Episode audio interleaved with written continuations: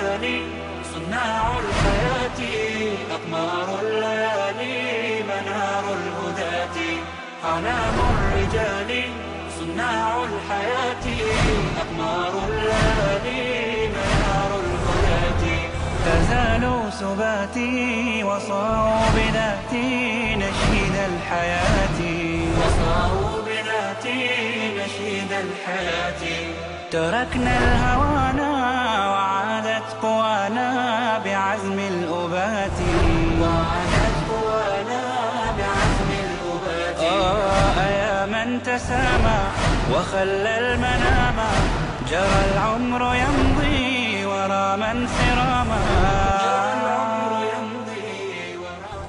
إن الحمد لله نحمده ونستعينه ونستغفره ونعوذ بالله من شرور أنفسنا ومن سيئات أعمالنا من يهدي الله فلا مضل له ومن يضلل فلا هادي له أشهد أن لا إله إلا الله وأشهد أن محمدا عبده ورسوله وقال ربنا في كتابه كريم بعد أعوذ بالله من الشيطان الرجيم يا أيها الذين آمنوا اتقوا الله حق تقاته وَلَا تَمُوتُنَّ إِلَّا وَأَنْتُمْ مُسْلِمُونَ Zahvala pripada Allahu subhanahu wa ta'ala, koga naš gospodar, Allah na pravi put uputi zaista i upućen, a koga ostavi u zabludi, neće mu naći nikoga ko će ga na pravi put uputiti, svjedočim da nema drugog istinskog Boga osim Allaha dželda wa'ala i da je Muhammed alaihi salatu wa salam posljednji Allahu poslanik poslan sa istinom. Naš gospodar je kazao svojoj plemenitoj knjizi, ovi koji vjerujete, bojte sa Allaha istinskom bogobojaznošću i ne umirite nikako drugačiji osim kao muslimani. Nakon uvodnog govora, zahvaljujemo Allahu Đerle Vala koji nas je ponovo sakupio i poživio na ovom bareć mjestu, da večera sa Koboda nastavimo uz njegovu pomoć govoriti o njegovim veličanstvenim imenima prošli put smo spominjali dva velika Allahova subhanahu wa ta'ala imena, a to su Ar-Razak i Ar-Razik. Allah Đalevala koji je obskrbitelj, onaj koji daje na faku, koji se brine o svojim stvorenjima. Večera sa Koboda ćemo nastaviti govoriti o ova dva veličanstvena imena, jer prošli put smo stali proti jednog od plodova koje smo spominjali, a to gdje smo stali glasi, koji je zadnji plod koji smo prošli pokazali? Ko se može sjetiti?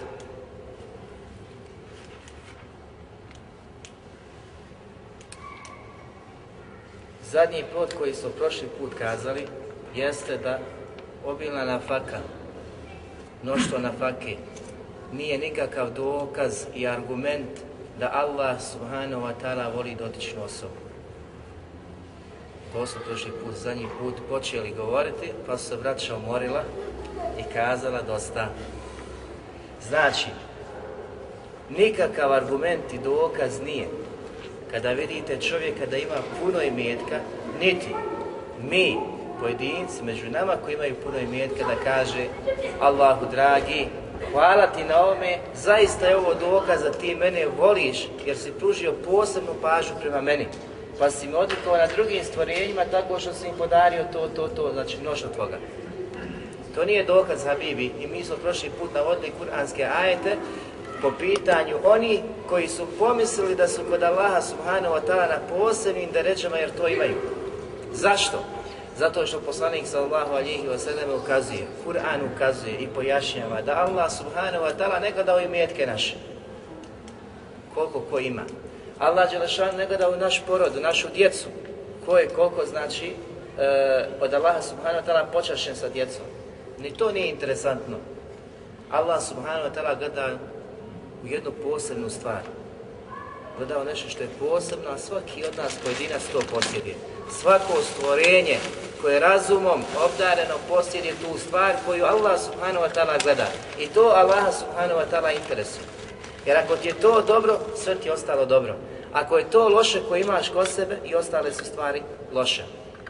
U hadijs koji bilježi muslim od Ebu Hureyre radi Obanuhu, da je poslanik alaih salatu wasalam kazao zaista Allah Đelešanuhu ne gleda u vaše izglede da nas se ljudi dive svojoj ljepoti, pa kako je poseban, pa se ističe, uzdiže na drugim stvorenjima. Allahu subhanahu wa ta'ala to nije interesantno, nego dao te izglede. Iako je on stvoritelj ti izgleda, jer smo kazali da od njegovih lijepih i prelijepih imena jeste El Halik, El Bari, El Musawir. Halik koji sve stvara, stvoritelj, tvorac, Bari koji to podaruje i čini da se pojavi u svijetu stvaranja, postojanja. Međutim, El Musawir je onaj koji je podario svim stvarima oblik.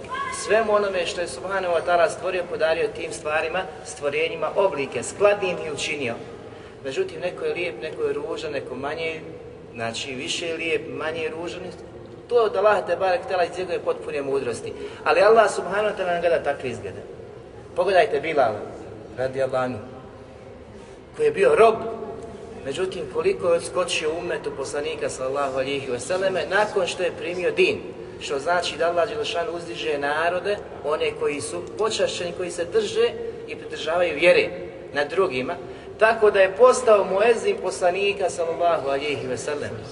Muezin koji nije mogao proučiti ezan, a da ne zaplaće kod riječi ešhedu en la ilaha illallah, o ešhedu enne muhammeden abduhu wa rasuluhu tu je bila radijalno zastajao, plakao, nije mogao znači izgovarati riječ, ali je počašen da poziva, zamislite koliko je on bio sebe da se ljudi odazivaju na namaz, da ih probudi, da dođu, da klanjaju. On sebe, sve te znači, dobra dijela koja oni čine, on učestvuje zajedno sa njima, da se od njihovih dijela to ne umanjuje. Koliko je takvih primjera?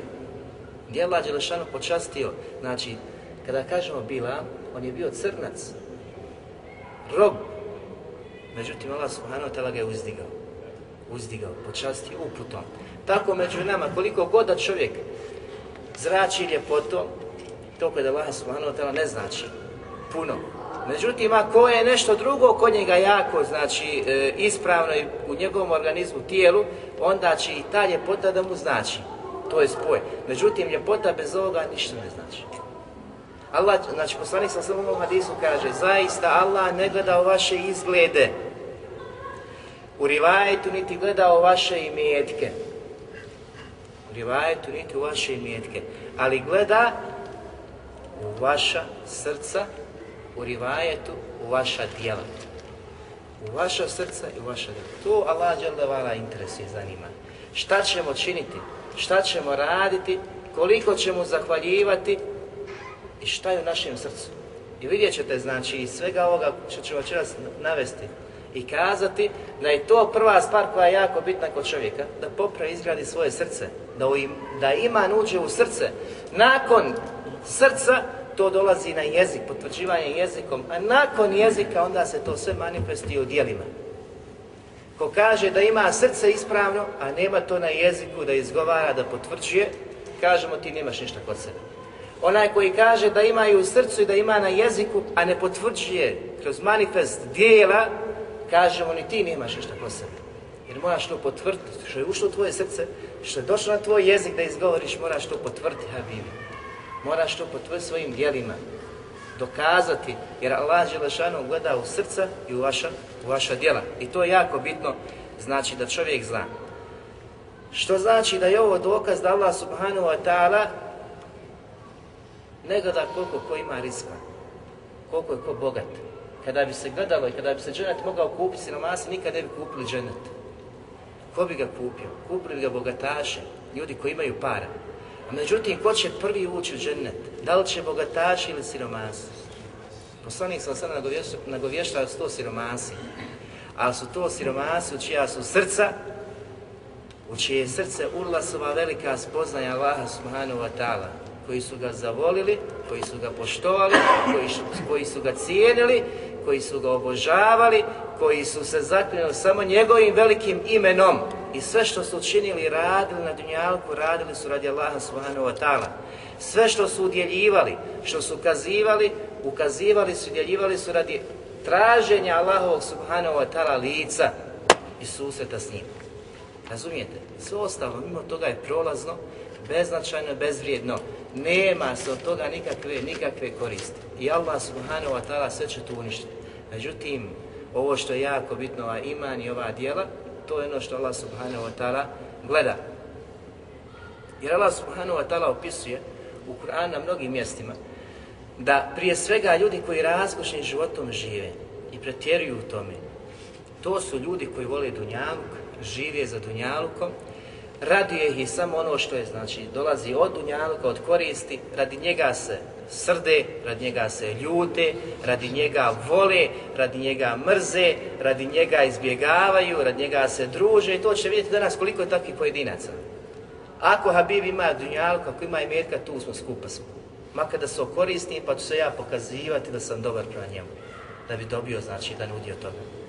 Međutim, takvih ima mnogo i oni koji se s njima slažu u svemu tome su u osnovi nevjerice. Znači, s druge strane, u osnovi nevjernici su oni koji vole i žude za dunjalikom, za ljepotama dunjaličkim, jer ne vjeruju u proživljenje, ne vjeruju u smrt, ne vjeruju u život nakon smrti. Džennet i džehennem, onaj čovjek koji vjeruje, on strahuje, jer ne zna nikomu nije garan gdje će završiti. Ali dok je na dunjalku uživa u blagodatima. Allah subhanahu wa ta'ala mi smo kazali prošli put da ovaj rizik koji daje i obskrbu, daje i vjernicima i nevjernicima. Tu nema razlike. Daje znači ljudima koje voli i koji ne vjeruje. Ili koji, ga, ili koji ne voli. Znači Allah subhanahu ta'ala svima daje. Međutim, Allah Đelešanu iman daje, kako kažu selefi, samo onome koga voli. Znači, risk daje koga voli i koga ne voli, ali iman uputu daje samo onome koga on subhanahu ta'ala voli. Znači, iz toga proizilazi obavezno značenje, da moraš voliti samo onoga koga Allah voli, a da moraš mrziti onoga koga Allah subhanahu wa ta'ala mrzi, Allah Đelšanu voli vjernike, voli dobročinitelje, voli znači oni koji su mu se odazvali, sa takvima je zadovoljan i takve voli. Tako da znači s druge strane koji nisu na uputi, koji nisu na pravom putu, Allah subhanahu wa ta'ala takve ne voli. Na takve je srdit, takve će kazniti i prema njima neće biti milosti na ahiret ako preseli na kufru i nevjerstvu. Tako da takve i ti moraš da mrziš i da prezireš i ne smiješ ih voliti kao što voliš ovu prvu skupinu koju Allah Đelešanuhu voli. I to je jako bitno, jako bitno da se zna. Allah Đelešanuhu kaže u Kur'anu, u suri Seba, Inna ladina la yarjuna liqa'ana wa raddu bil hayati dunya wa tma'annu biha wallazina hum an ayatina ghafirun. Allah dželle šanu opisuje takve pa kaže to su oni koji ne priželjkuju, koji ne žele, koji ne iščekuju suse sa nama, Allahu Akbar. Koja je to osoba danas da živi na Dunjaluku, a da ne želi suse sa Allahom Đelešanom? Ne želi suse sa gospodarom svjetova. To su samo osobe koje nemaju imana kod sebe. Nemaju imana, niti imaju ljubav prema gospodaru svjetova. Znači pravi iskren vjerni, on priželjkuje suse sa gospodarom, sa voljenim, sa onim koji je iznad svega, koji ga je stvorio, kojim je robovao da ga vidi, I na kraju, da ga Allah subhanahu wa ta'ala uvede u džene. Ova skupina koju Allah Žešanu ovdje ukazuje u, u, u, u pojašnjama njihovo stanje, oni to ne žele, oni to ne priželjkuju, ne iščekuju, ne žele to. I ne samo to, kaže Allah Žešanu, radu bil hajati dunija. I takvi su zadovoljni samo sa dunjaličkim životom. Samo da mu je dunjaluk, samo da su ljepote dunjaluka i ukrasi dunjaluka. To je taj risk koji je došao na dunjaluk, obstruo, odalađe, on samo to želi. Samo želi znači da ima što više i sa tim je zadovoljan, a prva strana, prvi dio, toga ne interesuje. I zatim Allah Đelšanu kaže biha. i oni su smireni na Dunjavku. Radi Dunjavka je smirena Bibi. Znači kada ima, vidjet ćeš ga kako je fin, mašala, nasmija, radostan, ozarenog lica. Čim je iskuša malo, uzeti mu, nešto, uzeti mu dio imetka, iskušanu imetku, vidjet koliko znači mu teško to pada jer se smiruje samo radi dunjaluka i smiren je u dunjaluku i dunjalučkim ljepotama. Zatim kaže Allah Đelešanu, وَلَزِنَ هُمْ أَنْ آيَاتِنَا غَافِرُونَ I koji su po pitanju naših ajeta u velikom nemaru, gafletu. To su skupine koje Allah Đelešanu nabraja. Ne žele susa sa Allahom Đelešanu, zadovoljni su samo radi dunjaločkih stvari, smireni su radi dunjaluka i zatim su u gafletu velikom prema Allahovim ajetima koje kazuje i donosi poslanik sa Allahu alijih veselem. Koliko nas ljudi takvi obkružuje danas? Puno. Koliko je od nas dijelimično ovim stvarima u gafletu? Puno. Puno nas živi u gafletu. Međutim, kakav je njihov ishod? Kako će završiti? Šta Allah Đelešanu nagovještava takvima? Šta takvi očekuje? Gdje će se Kako će okončati, gdje će završiti? Allah će u sljedećem majet kaže Ulaike ma'vahumun nar To su oni kojima će konačno odredište i prebivalište biti vatra.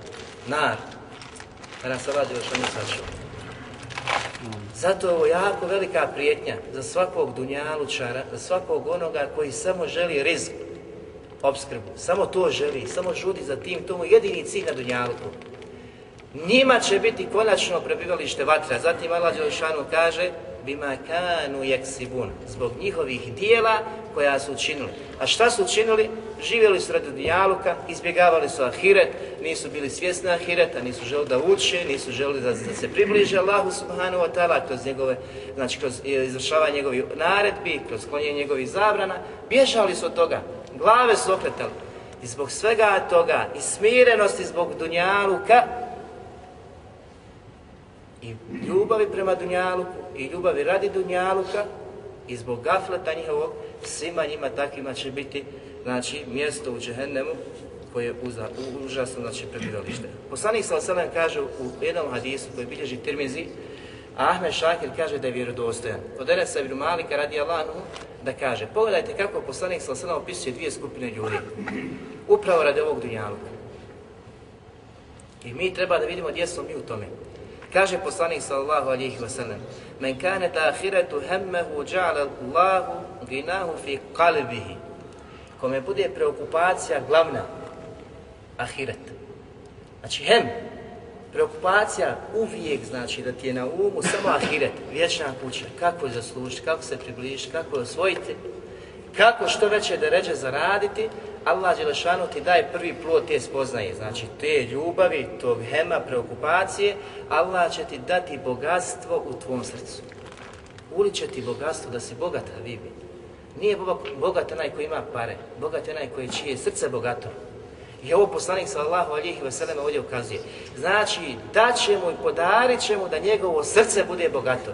I ne samo to, kaže poslanik sallallahu alejhi ve sellem, "Vođema lehu šemlehu" i podari čemu da mu ta nafaka dolazi sa svih strana. A šta je uslov? Da tvoj hem, tvoja preokupacija, tvoje misli budu uposlane samo ahiretom. Ne dunjalku, vidite kako će biti stanje oni koji su uposlani dunjalkom. Zatim kaže poslanik sallallahu alejhi ve sellem, "Vatadhu dunya wa hiya ragim." I doći će mu dunjaluk sa svih strana. Allahu akbar. Dunjaluk sam osobe će doći. Osobi koja ima hem preokupaciju samo ahireta.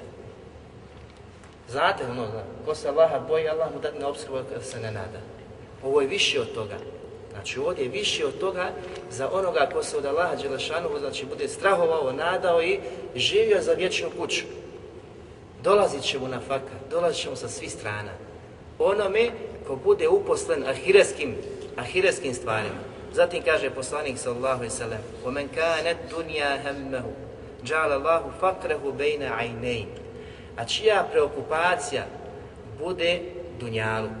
Allah dželešan će mu podariti siromaštvo između očiju i u očima. Biće siromašan, znam se čovjek ima, ali on razmišlja samo o dunjaluku. On će čita život da trči za dunjalukom, da trči za dunjalukom, a nikad se neće zasititi. Nikad neće biti zadovoljan kao što ovaj prvi. Zatim kaže poslanik sa Allah sallam, wa farraq alaihi šemlehu. Koliko god onda se trudi, Allah će, Allah će ga udaljiti od toga. Neće mu podariti na fakvu. Koliko god da se trudi, ne. I pogledajte, čovjek nekad ima malo, on mu da Allah će šambe ričet u tome. Pa je on zadovoljen, vidi se. Onaj koji ima mnogo, izgubi, izgubi beričet u tome. Kao da ga nema. Znači, danas ima puno para, ali kao da nema, te pare utroši u nešto od čega nema nikakve koriste. Ne ti vidi beričet toga. Zatim kaže poslanik sallallahu alejhi ve sellem: "Varam yatihi min dunya illa ma qaddara lahu." I neće mu doći od dunjaluka osim ono što mu je propisano. Allah. Koliko god se trudio, koliko se god zalagao, ali se izgubiti zbog svog nijeta. U drugom rivajetu kod imama Al-Bazara i Taberanija stoji da čiji nijet bude ahiret, Allah će mu ovo dati. A čiji nijet bude, bude znači, e, dunjaluk, Allah će mu ovo podariti. I ne samo to, kaže poslanik sallahu alihi vseleme, takav će da osvane ganijen. Biće, kada osvane, bit će bogat u srcu. Kada omrkne, kaže, bit će bogat. A ovaj drugi kaže, kada omrkne, bit će siroma u, u srcu i kada osvane, bit će isto tako siroma. A šeh Albani kaže da je sahih li gajrihi, znači zbog drugih rivajeta, taj rivajet je vjerodostojan. Razumijete, postoji mala razlika u, u samom tekstu hadisa. A u drugom se govori da takav kada osvane, bit će zadovoljan, bit će bogat u srcu, iako para nema, iako i metka nema. A zavisite toga, to je mumin vjernik koji kad, kad ga sretniješ, upitaš kako ti je stanje, kaže Alhamdulillah, od njega mu sibeta, samo Allah zna koliko ima, ali je zadovoljan, ozare na licu, radostan, sretan. Razumijete, i kad ima i kad nema, u njegu uvijek Alhamdulillah. Onaj koji je svojim drugim ciljem, takav će da osvane sa teškoćom, bit će fakir, bit će siromašan u srcu. A to je najgora stvar koja može čovjeka zadesiti. I vidite, pogledajte, znači najče ko bude imao preokupaciju ahireta, gdje će biti bogat? Da li u postupcima, u dijelima, u metku? Ne, prvo što poslanica sam ukazuje srce, jer je srce glavna stvar. Srce čije bude ispravno, ko kaže poslanica sa svom tijelu, postoji jedan organ na kojem bude ispravno, sve ostalo ispravno. I onda ukazuje na kraju hadisa, kaže da je to srce. I zato čovjek treba da gleda kako i na koji način odgojiti srce, kako ga pročistiti, kako ovaj dunjalog ostaviti. Ne dunjalog da ostaviš, da kažeš ja sam zahid, ono, ono negativno koje nije znači pohvalno i koje Islam ne traži od tebe. Nećemo mi vidjeti, znači srce je najbitnije da u srcu nije dunjalog, ali u ruci, znači da ti bude dunjalog, to je pohvalno. Treba da ima znači dunjalog u ruci, ne smije biti u srcu. To je razlika.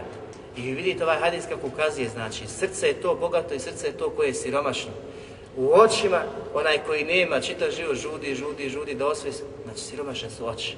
Dok koje s druge strane čovjek je bogat, bogat je znači u svom srcu i onda je u svojim postupcima i svojim dijelima isto tako bogat. Allah Đelešanu mu kaže وَفَرِهُ بِلْحَيَاتِ دُنْيَا وَمَنْ حَيَاتُ دُنْيَا فِي الْآخِرَةِ إِلَّا مَتَاعُ Oni se, kaže, raduju ili su radosni zbog čega? Zbog Dunjaluka. Zbog Dunjaluka se raduju. A kaže Dunjaluk i njegove ljepote, kada se usporede sa Ahiretom, nisu illa meta osim kratko naslaživanje. Allahu Akbar. Pogledajte. U drugom uh, e, rivajtu kod poslanika sallallahu alihi vseleme ćemo naći da kaže da kod Allaha Đelešanu, znači muslim bilježi, da kod Allaha ovaj dunjaluk vrijedi poput mušice znači da je toliko vrijedan poput mušice ili krila mušice na drugom mjestu, kaže nikada ne bi napojio nevijenika gutljajem vode. Oni danas koliko god da imaju, to je beznačajno, bezvrijedno kada Allah Đelešanu to kaže. Ono jare kada smo navodili primjer poslanika sam kada je prošao pred mrtvog jara, ko će ga plati? Ma kaže Allah poslanić ne vrijedi, znači živ, jer je bio mršav. Kako će kaže, ži, o, vrijediti danas ili ko će ga plati, ko će kupiti kada je on mrtav? Da je živ ne bi ga platili za jedan dinar, jedan dirhem. A kako tek znači da ga platimo kao mrtvo? Kaže poslani sa selem, on kod Allaha, znači dunjal kod Allaha ne vidi kao ovo jare kod vas. Razumijete? Znači tek tada vidiš da koliko god čovjek koji nije dobar, koji nije vjerni, koji ne vjeruje Allaha subhanahu imao je od imetka, ljepota i riska ovoga koji vela šan spušta na dunjaluk, to je bezvrijedno i beznačajno kod Allaha subhanahu wa ta'ala. Znam sam da tek džennet i vrijednost dženneta koji je ovo samo illa kalil, znači jedno, uh, jedno kratko naslađivanje. Uđeš u džene, ti izađeš. Onaj primjer koji smo navodili, ušao, onaj koji ima najveći uh, e, belaj na dunjalu, kaže poslanik sa sredan, će doći na sudnji dan da se do sad čovjekom stavnika dženeta, ali koji je dunjalku ima najveće probleme i nedaće. Pa će mu biti rečeno, uđi u dženet samo na jedan trenutak, pa kad uđe u dženet i okusi te ljepote pa ga izvuku i kaže i stane pred Allah Đelešanu pa ga Allah Đelešanu upita da li si na Dunjalku ikad osjetio poteškoću, kaže ne gospodar, nikad. A u stvari čita život, to su najgori musibeti koji su mogli čovjeka podesti na Dunjalku. On će sve to zaboraviti samo zbog jednog trenutka ulaska u dženetu. S druge strane doće i doveden će biti e, čovjek od stavonika džehennema. Pa će Allah Đelešanu red da se baci samo jedan trenutak. A taj Ili ta osoba je od onih koji su najraskošnijim životom živjeli na Dunjalu. Najviše su imali, najveće bogatstvo. Zamislite ko, kakva je to osoba koja je tako bogata. I kada se ubaci samo jedan trenutak u džehennem, pa se izvadi, pa dođe pri gospodara svjetova, pa ga upita da li si ikada osjetio ljepotu, nasladu na Dunjalu, reče ne gospodar. Tako mi tvoje veličine nikada nisam osjetio. Allah, pogledajte te razlike, znači da čovjek kada uđe u džennet, zaboravit će sve nedaće zbog te ljepote koju Allah subhanahu wa ta'ala stvorio, stvorio za svoje odabrane robove. S druge strane, ona patnja koja je pripremljena, čovjek će zaboraviti svoj ono što je uživao. I ne samo to, najgore svega toga za stavnike džahnema će biti riječi ostani tu njemu vječno. To će biti najgore čovjeku kada se kaže jedan određen period, on će se obradovati. Zato u drugom rivajutu je došlo kada bi im se kazalo ćete biti u vatri koliko je kamenčića u pustinu, oni bi se obradovali jer će doći tome kraj. Ali ne, nego će biti vječno da nas Allah subhanahu wa ta'ala sačuva, sačuva džahannamske vatre. Od plodova spoznaje ovog Allaho Tebare Kvetala imena Razik ili Ar-Razak jeste bogobojaznost i pokornost uzvišenom Allahu su najveći uzroci da Allah subhanahu wa ta'ala podari na faku čovjeku. Razumijete? Bogobojaznost. Ova bogobojaznost je takva luka, takva, koju mi svi treba da imamo kod sebe. Međutim, što čovjek bude bogobojazni, imat će te na fakir. A smo kazali ovaj rivajt prije toga da je srce najbitnije ti bude bogato. Jer i kad nemaš, ako ti je srce bogato, ti ćeš biti najbogatiji čovjek. Razumijete? Ali ako ti srce izgubilo tu vrijednost, i nije ti srce ispravno, Habibi, koliko god druge stvari da imaš od dunjalu, kad ti neš biti zadovoljan, neš biti smiren. Allah Đelešanu opisuje, pa ukazuje na tu veliku stvar koja je jako bitna da se nađe kod ljudi, to je iman, potpuni iman sa takvalukom, a takva kako smo kazali u prijašnjim predavanjima je da čovjek radi djela koje Allah Đelešanu je naredio, koja voli, a da izbjegava dijela koja je Allah Đelešanuhu zabranio da se čini. To je takvalo. To je prava bogobojaznost kod čovjeka koju treba da ima. Da izvršava sve što je Allah subhanahu ta'ala naredio sa čim je zadovoljan, a da se koni svega onoga što je Allah Đelešanuhu zabranio i sa čim nije on subhanahu ta'ala zadovoljan. Kaže Allah Đelešanuhu u suri Rad, odnosno u suri Al-Maide 66. ajet. وَلَوْ أَنَّهُمْ أَقَامُوا تَوْرَاتَ وَلِئِنْ الْإِنْجِيلَ وَمَا أُنْزِلَ إِلَيْهِ مِنْ رَبِّهِمْ Kada bi oni, kaže, govori Allah Đelešanu, zaista se pridržavali te vrata i inđila, onako kako mi je Allah Đelešanu naredio. Pogledajte, znači ako se budu pridržavali i židovi i krša, te vrata i inđila u tom vremenu, onako kako je Allah Subhanahu wa ta'ala naredio, šta će im Allah Đelešanu dati? Šta će to prouzrkovati kod njih? Kaže Allah Đelešanu nastavku ajeta, le ekelu mi فَوْقِهِمْ وَمِنْ تَحْتِ أَرُجُلِهِمْ Kaže, oni bi imali bogatstvo da jedu iznad njih bi se to otvorilo da im se spusti i ispod njihovi nogu. Allah odber. Na dohvat ruku, sa svih strana. Allah Đelešanu opisuje za one istinske prave vjernike. Zato znate ne hadisa o Isavu alijesatu vaselam, blagostanje kada zavlada pred sami kraj sunjena, koliko će ljudi imati, znači, beričeta u svemu tome plodovima. Kaže Allah Đelešava nastav toga, minhum ummetum muqtasida, wa kathiru minhum sa'ema ja'lemun. Allah Đelešava ovdje ukazuje da oni, znači, među njima ima oni umjereni, međutim većina njih ima dijela sa kojima Allah Đelešava nije zadovoljan. Zato završava pa kaže, wa kathiru minhum sa'ema ja'lemun. Mnogi od njih ne rade dobra djela, imaju ružna djela. Znači, ruže navike sa kojima Allah Tebare Kvetala nije zadovoljno. I vidjet ćemo da je ovo što imaju kod sebe od loših dijela upravo sebe da se uskrati ovo blagostanje koje Allah Đelešanu najavljuje ako se budu pridržavali te vrata i inžila. Zašto? To što sljedeće majete Allah Đelešanu opisuje uh, e, sredbenike poslanika sallallahu alihi wa sallam, ummet poslanika sallallahu alihi wa sallam, pa kaže ولو أن أهل القرى آمنوا واتقوا لفتحنا عليهم بركات من السماء والأرض ولكن كذبوا فأخذناهم بما كانوا يكسبون كاج الله جل شانه kada bi stanovnici ovih gradova, ovih sela, zaista pravo istinski vjerovali, amenu, vattakav, i bojali se Allaha Đelešanu, ako kako Allah traži od njih, kaže Allah Đelešanu, lefetahna alehim barekat, mi bih im otvorili beričat nebesa, da im silazi s nebesa, beričat. Šta traži iman, onaj pravi iman? Ne samo jeziku, ne izgovoriš i u srcu da osjetiš. Pravi iman i pravu bogobojaznost. Ako se to dvoje ostvari kod ljudi, na Dunjaluku, Allah Đelešanu otvara onda blagostanje i beričat nebesa. nebesa. Pa zatim kaže, nakon toga, Allah subhanahu wa ta'ala, i ne samo iz nebesa, nego iz zemlje, vel ardu iz neba i iz zemlje. Walakin kadzabu. Ali kaže šta su oni? Oni su poricali. Odbili su istinu. Nisu je prihvatili. A da je prihvate i da se boje Allaha subhanahu wa ta'ala kako treba, Allah bi im to otvorio. A zbog njihovog poricanja, neprihvatanja, Allah Đelešan kaže فَأَحَذَّهُمْ بِمَا كَانُوا يَكْسِبُونَ I mi smo i kazali zbog onoga što su činili. Ko stavnici takvih sila, stavnici takvih gradova, mjesta, prostora, država, danas, pogledajte što se dešava u svijetu. Kažu muslimani stradali, kako Allah Đelšanu može... Šta ti znaš šta su oni radili? Šta su oni činili? Allah Đelšanu kada kažnjava, ne kažnjava iz nepravde. Da bi neko nanio nepravdu. Nego zbog toga što su oni to zaslužili. Gdje god da se to desi, ali ako se desi među njima jedan određen broj vjernika, nema problema, takvi će na sudnjem dan biti proženi po svojim nijetima. Neko je klanio svojom dok je sazav spustio, neko je bio na sreći, neko je bio u džami, ali je sve to obuhvatilo. I svi su stradali. Lajša radila kada je upitala poslanika sallallahu o tome, kaže poslanik svi će oni biti proživjeni sudjen danu po svojim nijetima. To je bilo priča o Mehdiju, kada se pojavi pa na vojska, kada krene šama prema njemu, svi će propasti. Prvi i poslednji oni u sredini, dva rivajta koja su došla.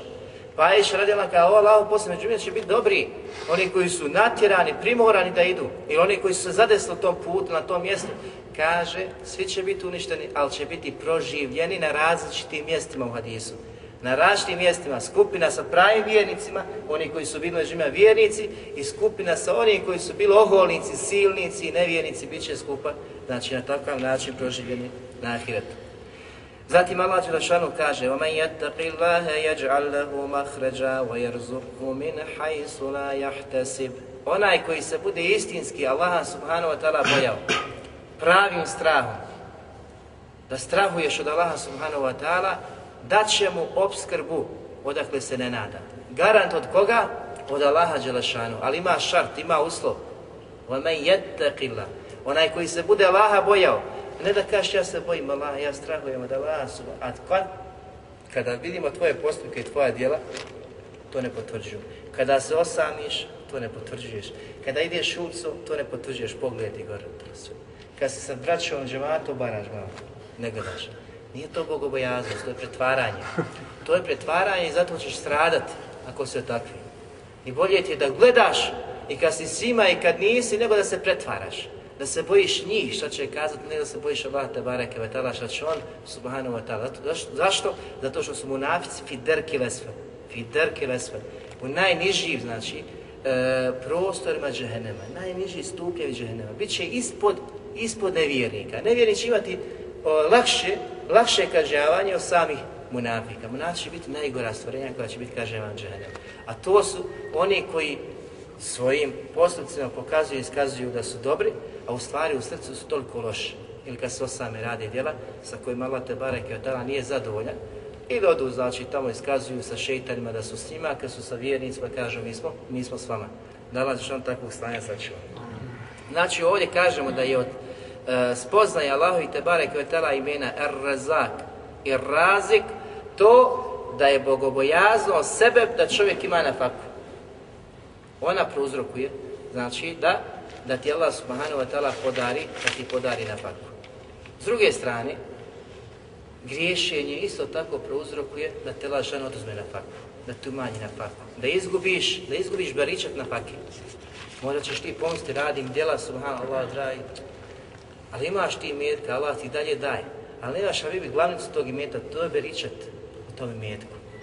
Imaš platu, Allah zna, da kažemo, 3000, 2000, 1000. Brat, ne ja platu, 300 maraka, 400 maraka, ali kad vidiš, on je zadovoljan i preživljava i živi. Ovaj sa tri kuka svakodnevno. Znači, svakodnevno kuka nije mu dovoljno, treba mu još, treba mu. Izgubio je beriče toga. Zato učenjaci kažu, odnosno jedan od šehova našoj medini kaže, kada vidiš čovjeka da odlazi puno, kaže, kod automehaničara, zbog svoje jahalice, znaje, kaže, da su to pruzorkovali grijesi njegovi. Razumijete?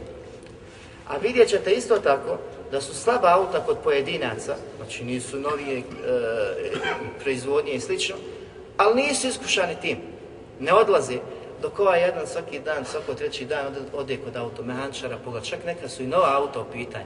A on kada govori to, govori o Saudiji, a u Saudiji nema i slabih auta. Nije slabih, nego su to nova auta. A vidiš, oni ljudi radi su, a, veliki su redovi, na svakom čošku imaš nekog automehančara, popravlja auto. A, pa kaže, kada ima puno, znači, takvih e, postupaka i potrebe da popravlja auto, znaj da je onaj se ogriješio. Zašto? Zato što su selefi govorili, kada bi se ogriješili prema Allahu, vidjeli bi znakove toga u nepokornost naših žena prema nama i u nepokornost naših jahalica. Slabo bi nas slušale, znači, kada kaže, hajde, jalla, on ne može, ne može. Znači, tako upališ, sve ti daš, benzin, natočiš, on ne može, pokvari se nešto. A kada čovjek se boji Allah subhanahu wa ta'ala, izbjegava griješenje, Allah Đelšanu ga sačuva. Jer Allah Đelšanu je na hafiz, Kazali smo, onaj koji čuva svoje robove i brinje se o svojim robovima. I to al-hafiz je go hifz i čuvanje se dijeli, znači isto tako čuva i ove, čuva i one, ali posebno čuva i pažnju posvećuje prema vjernicima, pravim iskrenim vjernicima, pa ćete vidjeti da juriša prvi i nikom znači ništa nije mogao učiniti uđe sa sabljom one priče koje su slušali o poslanicima, selefima koji su nakon njih dolazili i izađe. Allah je lišan ga sačuvao, znači vema remejt iz remejt, valakinna Allahe rema. Ti nisi bacio kad si bacio, nego Allah baca. Allah je taj koji čini da strelica, da metak, da granata može da te ubije. Može te oduzme život. Allah, a isto tako padne granata, pored kluga, ništa. Šta se dešava u našem vratu? I u vratu u Afganistanu, u Čečini. Koliko keramijeta je se, znači, desilo da su granate padale med sa svih strana, ali ljudi su preživjeli. Nije se znači desilo neko veliko čudo se iskasapi čovjek. Allah Đelšan ga sačuva. I Allah Đelšan čuva, znači koliko god da ljudi uzmu, ne, ne može se osnati na to. I kad kažeš ja radim, ja zarađujem, da nema moju ruku, da ja ovo nisam uradio, ne bi imao. I to je pogrešno. Znači koliko trebaš biti ubijeđen da rizik dolazi od Allaha Đelešanu, da trebaš uzeti za esbabe i sve slično, isto tako je pogrešno kaže da je to tvojih ruku ne smiješ to sebi dozvoliti, nego moraš Allahu Đelešanu zahvaliti da je to od njega i da budeš ponizan, jer ne znaš zašto ti je dao, možda, ti iz, možda će te iskušati sa tim dinjalogom. S druge strane, siroma, nema imetka, nema nafake, treba kaže, alhamdulillah, i kad imam i kad nemam. Što kad nema? Zato što ak, možda, ako bi mu Allah dao tu nafaku, možda bi bilo iskušenje veliko za njega, za njegov din i vjeru, da to ostavi, da se da prohtje ima. Vi znate priču, E, kad je Musa ali islam put, putova, pa zar dijete kada je bilo ubijeno? Ubio si dijete.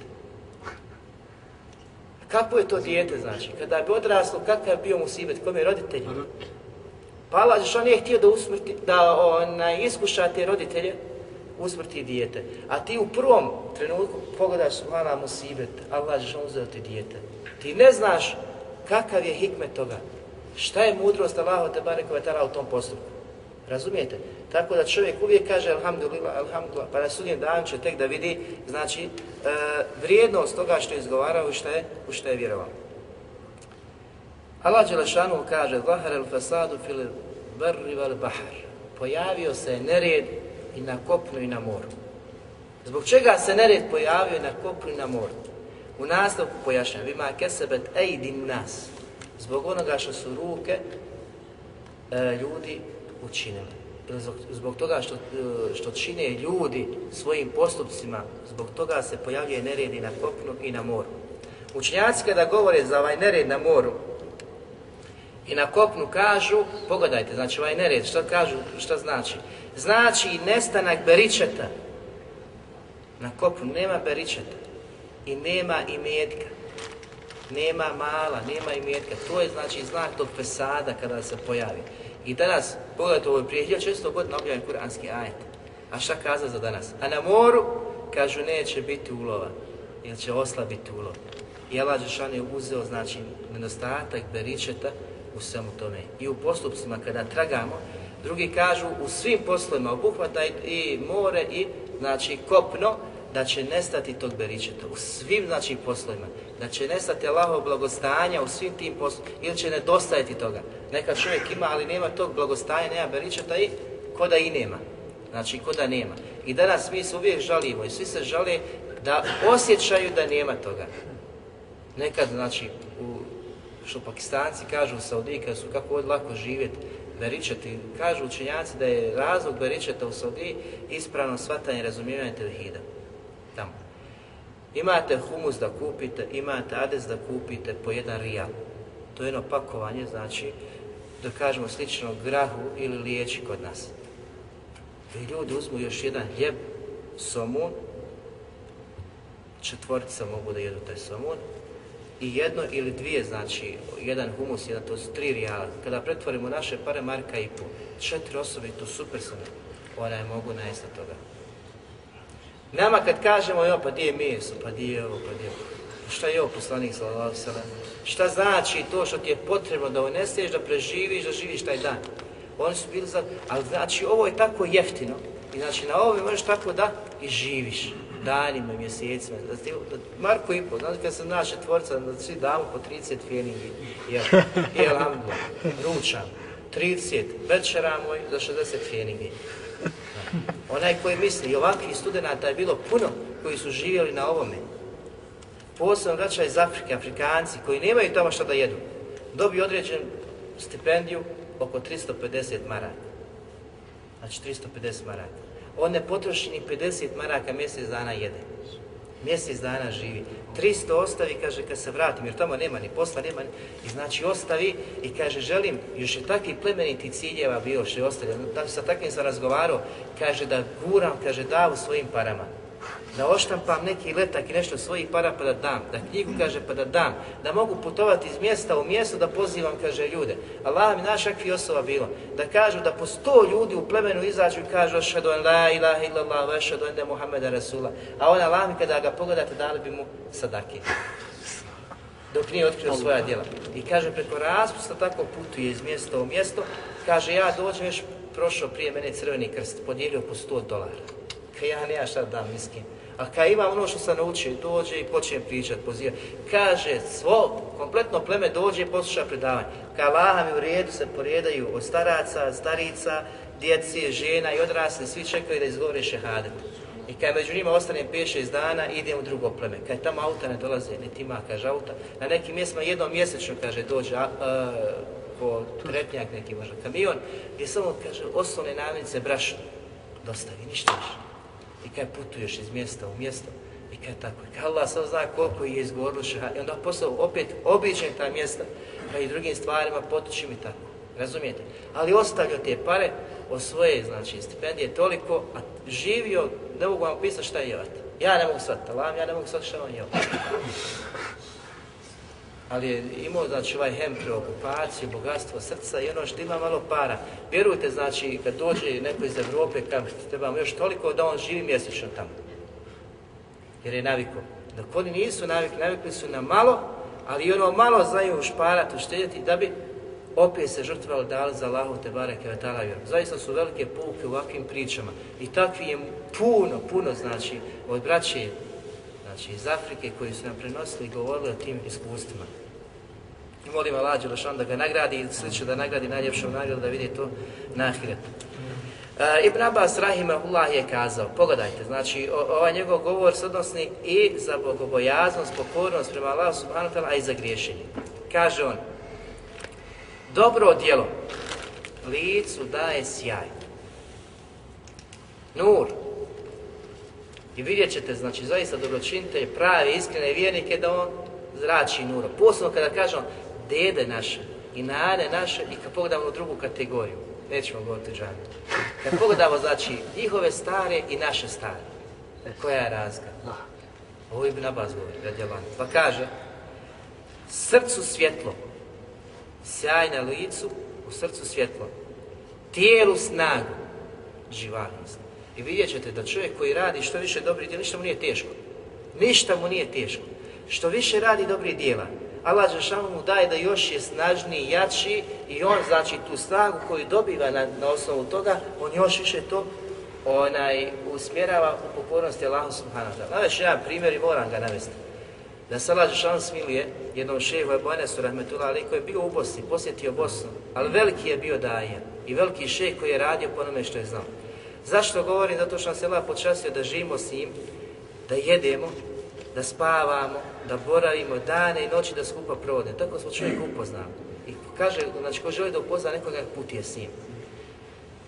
Preko dana, ne znam od čega je počeo. Od njegove predavanja, to je tako, ko je imao znači, priliku i u Bosni da, da ga posluša, mogao se samo diviti kako Allah šan počasio takvog insana, da tako na lijep način pokazuje, obrazlaže, ukazuje. Allah mi, to su bili ljudi koji nisu nikad klanjali, radi njega, kad on uđe kod njih u kuću ili mjesto, skidaju sve postare razvratne, razumiješ? Otac, sinu primio din, od sina neće ništa da uzme da prihvati, ništa neće da prihvati, znači toliko odbojnost ima. On kad dođe, kad progovori, on poskida sve, znači na to radnje, gdje su automehančari, što ima tamo sve što?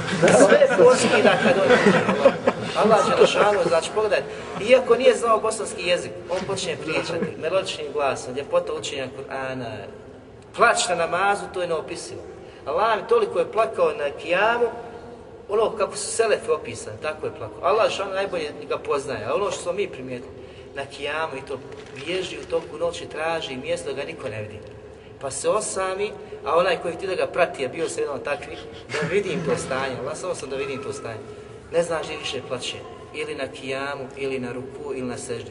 A da kažem, ne znam gdje je više bio, znači ili na kijamu, ili na ruku, ili na seždi. Na kijamu uči suru Taha, znači koliko, koliko je duga sura Taha, a ona uči, znači Taha, da aj za aj to, znači spaja, nego aj postane, pa aj, ali jecaj, plać, plać, plać, plać. Što je da, radio preko dana, posle sabaha drži predavanje, prije podne namaza drži predavanje, nakon podne namaza igra se s braćom i futbala i odbojke i svega, sve mu učestvuje. Ali šta još radi nešto što je posebno, lajmo svega toga. Vi znate kad su kampovi pitanju, uvijek imaju na vanjska upatila. Hala što se kod nas kaže. Ko bi mogao otići da pokupi sve one flaše koje su se koristile tamo? Mi u Bosancu uđeš pa baci, samo baca, baca, baca. Niko da uđe, da opere, da ispere, da, da je napuni, da je postavi svog vrata. Allah njega sam gledao svaki dan, uzima naramak, ko ne gledaš, ili prljavo nije, samo pokupi vam, sve ode natoči i napuni. Ode, obiđe, ponovo vidi da je prazno, ponovo uzme i natoči. Kažu učenjaci da su ovakvi postupci koji su e, znači, u očima drugi tako znači teški, nesvatljivi, nikad ne bi sebi dozvolio to da uradi, dijela upravo mehra za huriju. Mehra za huriju. Ja to nisam možda tada možda ni shvatao kada on to radio. Ali sam shvatio na kraju kada je on svoj život nakon toga koliko se posvetio Davi, koliko je znači, uložio truda. Allah ga počasti vrhuncom svega toga, znači ovo sve što je znači, stekao toliko znanje, pradio po tom znanju, podržavao druge znanju, počasti ga vrhuncom Islama, to je borba na Allahom te bareke od dala putu. I ne samo to, nego ga počasti da preseli ko šehid. A Allah znači, onaj, zna koji šehid, ko nije, ali mi molimo da ga Allah primi kao šehid. I okonča kao šehid. Pogledajte mu život koga je god upoznao, nur na licu, kada govori, kada se obraća, znači, toliko je želio da dostavi tu uputu, da pojasni to drugima, da je samo srce koje je kameno i teško, znači, kazao, ne mogu da slušam. I niko nije mogao progovoriti pred njim da kaže, ne mogu te slušati. Nek su tek birali, vrištali, radosni bili. Da, to je neopisivo stanje 97. kad je on držao predavanje u Sarajevu, kad je držao po uh, Bočini, kad je držao po čitavoj Bosni nakon toga godinu i pol dana je Bosna bila počašena sa njegovim znači, prisustvom tu. Zatim grupa studenta je bila počašena da živi gotovo dvije godine s njim u Jordanu. I sve su mogli znači, da uvide još veće stvari koje ima u prince. A šta je to pruzokovo? Iman koji je ušao u srce, nakon svega toga Ibn Abbas kaže da Allah Đelšanu tako daje sjaj na licu, svjetlo u srcu, živahnost u njegovom tijelu, u njegovim postupcima, da je, znači, što više, samo radi, ko mašina, nestaje. Osim kad ne dođe, i e, šta im običaj govoriti? Kaže, čovjek treba da živi na Dunjaluku i da bude svjestan, kaže, jedne stvari, a to je crvene boje. Kaže, zašto crvene boje? Zato što se, kaže, rađa u crvenoj boji i treba da preseli u crvenoj boji. Kao sunce, kaže, sunce izlazi, jel, rumenevo. Zalazi rumenevo. Šta je htio kažeti? ti? rađa se u krvi i treba da preseli u krvi. To je govorio često svoje predavanje. I Allah subhanahu ta'ala ga je počastio, počastio tim. Zatim kaže, obilnost u nafaki. Dobro djelo, znači Ibn Abbas potvrđuje da prouzrokuje da imaš obilnost u nafaki. Nakon toga kaže i ljubav u srcima ljudi. Allah Đelešanu kada radiš dobra djela, radi Allaha Subhanahu wa ta'ala, podari ti sjaj na licu, nur u srcu, živanost u tijelu i ne samo to, obilnost u nafak i ne samo to, nego te zavoli ljudi. U srcima ljudi postaneš omiljen, voli te ljudi, cijene te i poštuju. Zbog čega? Allah Đelešanu je to učinio. Allah kada zavoli roba, koga pozove? Džibrila, O Džibrilu ja sam zvolio tog i tog fulana, pa ga i ti zavoli. Pa Džibril šta uradi? On zove Meleke, stavnike nebijesa i kažu Allah što ne zavolio tog i tog groba, ja sam ga zavolio, pa ga zavolite vi, pa ga ne, stavnici nebijesa zavolio. Zatim stavnici zemlje ga zavolio. I Allah je što podari da ima Kabul u svojim postupcima. Kada vidimo nema Kabula, nema uspja, zapitaj se vi što radiš, čim se baviš, koje su to stvari kod tebe koji te to bježi od strani malo se pročisti, vidi ko si, šta si, spusti se malo, ali radi za ovo što govori Ibn Abbas radi Allahi. Zatim kaže, a loše djelo, lice zatire crninom. Crnilo znači na licu, tama u srcu. Vidiš ga da je nemrgođan, vidiš ga da mu je teško, da mu je tjeskoba. Znaš ga da čovjek se malo namrkne, pa koliko se to još odrazi na licu. To loše djelo, čovjek sam kada uradi do, loše djelo, treba se slobodno pogleda ovo gledalo. Tjeskoba u prsima, koliko mu je teško, džaba, on zna da je to, ali ga to, jel, još više onaj, sužava mu prsa, čini mu tegobnim težinu, veliku, znači nose svoje prsa. Zatim kaže, tijelo čini praznim, loše znači, djelo kućne, tijelo čini praznim. Zatim kaže, smanjuje na faku. Smanjuje na faku, i budi, kaže, mržnju u srcima ljudi. Allah vakar. Svako djelo, znači dobro i, i loše. Dobro, pogledajte kako ostavlja tragove, šta prouzrokuje. Pogledajte što učini na kraju ovo loše djelo. Ljudi to mrznu, ljudi te mrze, ljudi te preziru. Ne mogu te. Znači ovdje nema sad da onaj, kaže ovo ljudi koji vjeruju Allah i koji ne vjeruju Allah pa te ne voli. Oni koji ne vjeruju Allah, on su u osnovi opisan da ne vole vjernike. Ali ima i među njima oni koji su, da kažemo, u jednu ruku e, nisu zlonamjerni u tom pogledu, ako ti njih ne diraš, ne diraju tebe, njima je ono svejedno što sad čovjek radi oko njih. Ima takvi, ali ima i oni, znači, nevjernika koji su e, daleko iznad svega toga. I svaka ta mržnja i svako djelo drugo na kufru je znači djelo koje povećava stepene kažnjavanja. Tako da nevjernici neće svi biti na istoj dređi kažnjavani. Među njima će biti oni koji će biti manje kažnjavani, neki će biti više kažnjavani. Nije isti onaj koji poziva u zabludu i onaj koji se samo odazva u zabludu. Nisu isti. Ili onaj koji nije, znači, uopšte se odazvao zabludi, niti poziva zabludu, ali je ostao nevjernik, ateista. U smislu, znači, da nije radi, nije pozivao i nije drugi odvraćao od pravog puta.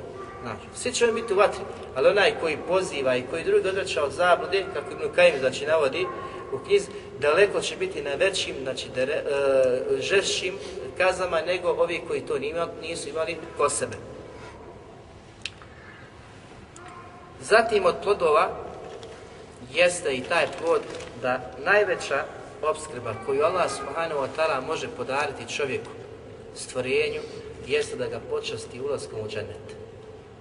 To je rizik. Allah nazvao znači ulazak u džennet i nagradu džennetskom rizikom.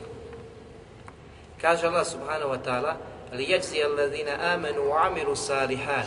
A da Allah Đelešan nagradi one koji vjeruju i koji dobra djela čini. I pogledajte, svi ajeti koji govore o nagradi u džernetu govore i traže od čovjeka da vjeruje, zatim dobra djela čini. Nakon toga Allah Đelešan takve nagradi i nagrađe dženevskim prostranstva. Zatim kaže Allah Žešanu, ulaike lehum magfiretu wa rizkum kerimu. Takve očekuje oprost od Allaha subhanahu wa ta'ala i plemeniti rizk. Koji je to plemeniti rizk? Obskrba, to je ženeta. Znači oni koji budu vjerovali i koji budu dobra djela činili, takve očekuje oprost od Allaha subhanahu wa ta'ala i ovaj rizk nagrada dženeta koju Allah Đelešanu daje svojim iskrenim iskrenim vjernicima. Zatim Allah Đelešanu kaže وَلَذِنَ هَاđَرُ فِي سَبِيلِ اللَّهِ Druga djela koja uvode u dženeta i oni koji učine hijđru radi Allaha te bareke vetala. Ostaviš, prije svega se misli, znači, na grad, mjesto, prostor, kao što su sahabi uradili koju hijđru, napustili su Meku i otišli su za poslanikom, ali islatu wasalam, u Medinu. Hijđra nekada može biti da ostaviš loše djelo. I to je hijđra. Poslanik sa sveme nazvao i takvo djelo, znači da ostaviš loše djelo, to je hijđra, ostavio si znači, nešto što će znači, Allah te barek i vetara nije zadovoljan, ali si prihvatio nešto što je Allah te barek i vetara i sa čim je zadovoljan. Zatim kaže, suma kutiru eumatu, zatim ti koji učine hijđru, na Allahom putu se bore, a budu ubijeni, kutilu eumatu, ili presele, Allahu akbar. Znači, izađe, radi Allah te barek i vetara, bori se radi Allah, ubijen bude ili onako preseli, kako kažem, prirodnom smrću, Zatim kaže لَيَرْزُقَنَّهُمُ اللَّهُ رِزْقًا حَسَنًا Sve njih će Allah Đelešanu obskrbiti i podariti im rizk koji je nazva Hasana. Koji je to rizk Hasana? To su dženevska prostranstva. Zatim kaže Inna Allahe lehu Inna Allahe lehu e hajru razliqin A zaista Allah taj koji najljepše i najbolje obskrbu daje. Niko ne može dati bolje obskrbu njim. Znači najveća i najbolja obskrba koju ti može Allah Đelešanu dati jeste dženet i ženevska prostranstva. I za taj cilj čovjek živi. I to je ono što treba da tražiš. To je ono srce na početku koje smo naveli, da je njegov hem preokupacija bila darul ahira. Vječna kuća ahireska, o njoj je promišljao, o njoj je razmišljao, o njoj je dumao čitavo vrijeme, znači da kako na koji način da se Allah subhanahu wa ta'ala približi, kako da se umili, kako da uradi i da izvrši djelo koje Allah što naređuje, a kako da ostrani, kako da ostavi ono djelo sa kojim Allah subhanahu wa ta'ala nije zadovoljan. Zatim Allah Đelešanu mu kaže وَمَنْ يُؤْمِنْ بِاللَّهِ وَيَعْمَرْ صَالِحًا Onaj koji bude vjerovao Allaha Đelešanu, pogledat opet iman. I vidite razliku. Iman, ra, znači da vjeruješ čvrsto i da radiš dobro djelo. Znači da izgovaraš ovaj iman, da očitiješ ovaj iman, da ti u srcu bude iman i da nakon toga radiš dobra djela.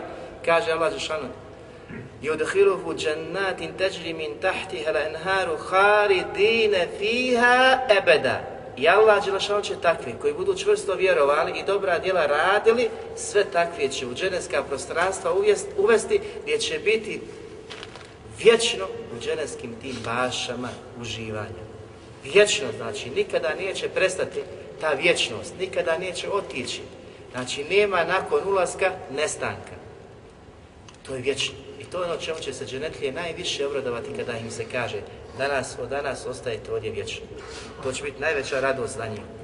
Kad ahsane Allahu lehu rizka, i Allah Žešan kaže, i Allah Žešan je takvima, takve je počastio najljepšom obskrbom. Nazvao da je to najljepša obskrba. Koja? One koje počasti da uđu u dženet i učini i da budu vječnim stavnicima dženeta. To je najljepša obskrba. Znači, taj rizk treba čovjek da traži. Vidjet ćemo ovu dovu koju, koju često učimo, Allahuma razlukana, gospodaru naš, podari nam rizik na papu.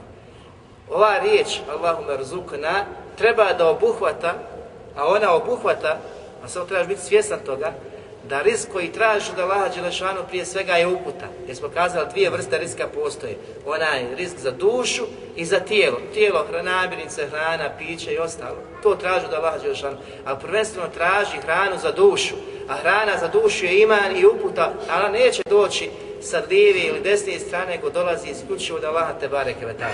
Da te počasti znači uputom, imanom, da ti omiri ta iman, da radi što više dobrih dijela, dijela sa kojima Allah subhanahu wa ta'ala zadovoljan, da se koneš svi oni stvari sa kojima Allah subhanahu wa ta'ala nije, nije zadovoljan.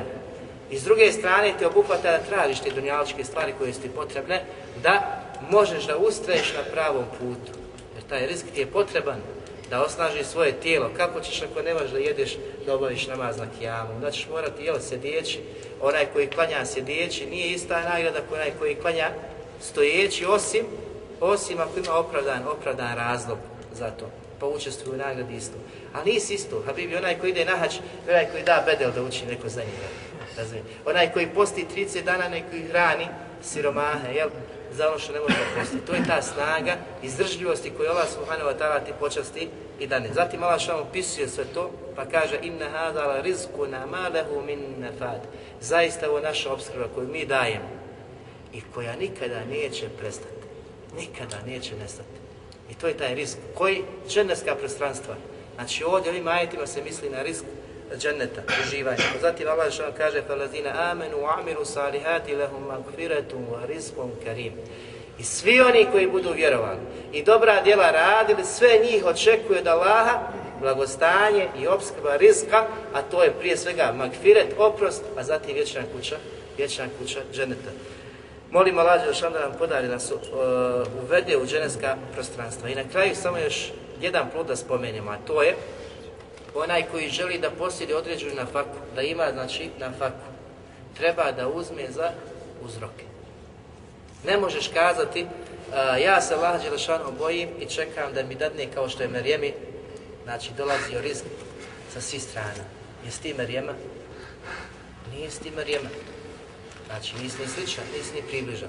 Zašto? To što poslanik sa sredem je podučio umet da mora da ide i da ulaže svoj trud da bi došao do, do nafake.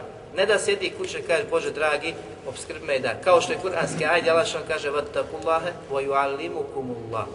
Bojte se Allah, pa će vas Allah podučiti. Da li si ti mogao večeras ovo čuti u svojoj kući da si sjedio? Ne bi. Iako bi, kažeš vam preko interneta ili nešto sliče u tome, jel, vraćat čuju. Ali šta uradio, uzeo je laptop, e, neku vrstu računara, prikopčuo se sve, znači uzeo za esbabe toga i na kraju on čuje. I ono što čuje, on tek naučio informaciju i dobio neku novu. I zamislite, znači, kada su ovim stvarima moraš prihvati tih e, esbaba, uzroka, da dođeš na kraju do znanja, kako onda tek za hranu i piće. A s druge strane, Kada kažemo onima, Allah Đelšanu je taj koji stvara, učinio ljude vjernicima, nevjernicima, daje uputu, daje e, nevjerstvo, znači zabludu, oni kažu, dobro, pa Allah Đelšanu mene je učinio ovakvim, tebi je učinio takvim, šta ću Allah odredio. I on se onda tu vadi i opravdava odredbom Allaha subhanahu wa ta'ala. A kad pogledamo njegovo stanje u dunjalku, trči od sabaha do mraka da zaradi. E, tu se prihvatio spava. Znači, to neće ni u jednu krajnost, ni u ovim stvarima, ni u drugim, u vjerskim, pa kad ja sam vjerik, pa će mala dati. Nije se daš prihvati koji on. Zašto? Omer radi Allah, on kaže, nebesa ne spuštaju ni zlato, ni srebro. Šta je htio podući Omer radi da one koji se oslanjaju i misli da će Allah podariti uopće da mu se spusti, ne nebesa to ne spuštaju nego moraš ustati, moraš raditi. Sam Omer radijalanu je bio u bašti oko Pavla, radio, a njegov sluga slušao kod poslanika, pa su onda mijenjali, jel? Da, da bi znači, uvijek upratili informacije, sve dobili koje je poslanik sallallahu alihi wa sallam daje. A arapska poslovica dobro, znači, e, e, vam je poznata gdje kaže, onaj koji posije, takav će požen, takav će imati. Men džad, vađad. Ko bude uložio trud, Založio se za nešto, takav će naći, takav će ostvariti taj trud. Znači, po, uh, poslanik sam sve podučava. Podučavaju ashabi, podučava Kur'an da se treba zalagati, uzmati. Ne znam, ja sam ostavljen Allah, tawakkal, on ko meni je tawakkal Allahi, fa huva hasbu. Ko se ostavljen Allah, on je dovoljan. To jest, i to je glavna stvar. Međutim, šta je tawakkul? E, timadul qalb. To je oslan srca na Allaha, tebareke wa ta'ala da se osloniš na Allah, da je onaj koji ti daje štetu i koji ti može dati štetu je Allah, koji ti daje korist, otklanja korist, e, otklanja korist ili nedaću je Allah, od njega dolazi sve. To je te veko da znaš da sve što te je zadeslo od Allaha subhanahu wa ta'ala, sve što te je mimo išlo, mimo išlo te od njegove odredbe, što on tako te bare kao ta'ala odredio, što god da ljudi učini da ti pomogu, neće ti pomoći osim oliko koliko ti je Allah Đelešanu to odredio. Razumijete? I to je te veko, sveži deo pa se osloni na Allaha Đelešanu.